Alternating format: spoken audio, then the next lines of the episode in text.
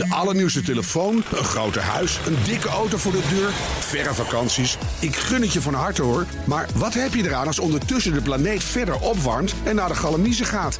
Wil je echt weten hoe het zit en wat we eraan kunnen doen? Luister dan naar BNR Duurzaam. Elke maandag tussen 3 en half 4 op de radio en altijd online als podcast. Want die volhoudbare wereld, die maken we samen. BNR Duurzaam wordt mede mogelijk gemaakt door Milieuservice Nederland. De ondernemende afvalpartner voor zakelijk Nederland.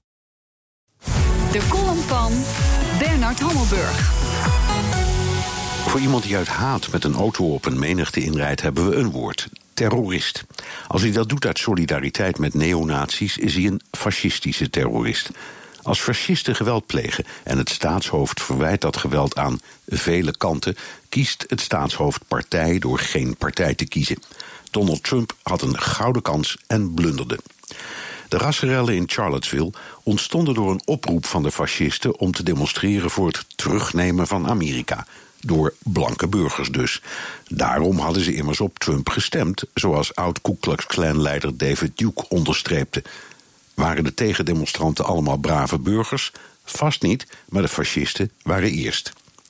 Heil Trump, scandeerden ze, de neonazies, geflankeerd door de Ku Klux Klan. Twee volle dagen duurde het voordat Trump terugkwam op zijn slappe verwijt aan vele kanten en onder druk van zijn staf, de Democraten en zijn eigen Republikeinse partij, alsnog met een verklaring kwam waarin hij de fascisten noemde wat ze zijn: misdadigers en tuig. Tegen de automoordenaar loopt nu een strafvervolging. Recente aanslagplegers in Europa noemden Trump onmiddellijk terroristen, vaak al eerder dan politie en justitie in die landen. Maar als het geen moslim is en het gebeurt in eigen land, geldt dat kennelijk niet. Hoewel Trumps adviseur voor de nationale veiligheid McMaster wel degelijk over terrorisme spreekt. Wat krijg je als het staatshoofd niet onmiddellijk spijkerhard en glashelder reageert als een extremistische bende erop loslaat en Heil Trump scandeert? dat de fascistische website Daily Stormer, die in deze rel een prominente rol speelt, de dader van die auto-aanslag omschrijft als een door een stelletje republikeinen terrorist genoemde man, die waarschijnlijk joods is en dus sowieso niet kan deugen. Amerika is zeer liberaal over de vrijheid van meningsuiting, dus je mag schrijven en zeggen wat je wilt. Dat geldt ook voor de president. Kim Jong-un Vladimir Poetin en zijn eigen ministers en partijgenoten uitschelden, is kennelijk gemakkelijker dan de duivel de duivel noemen. Want ja, die hielp hem in het zadel.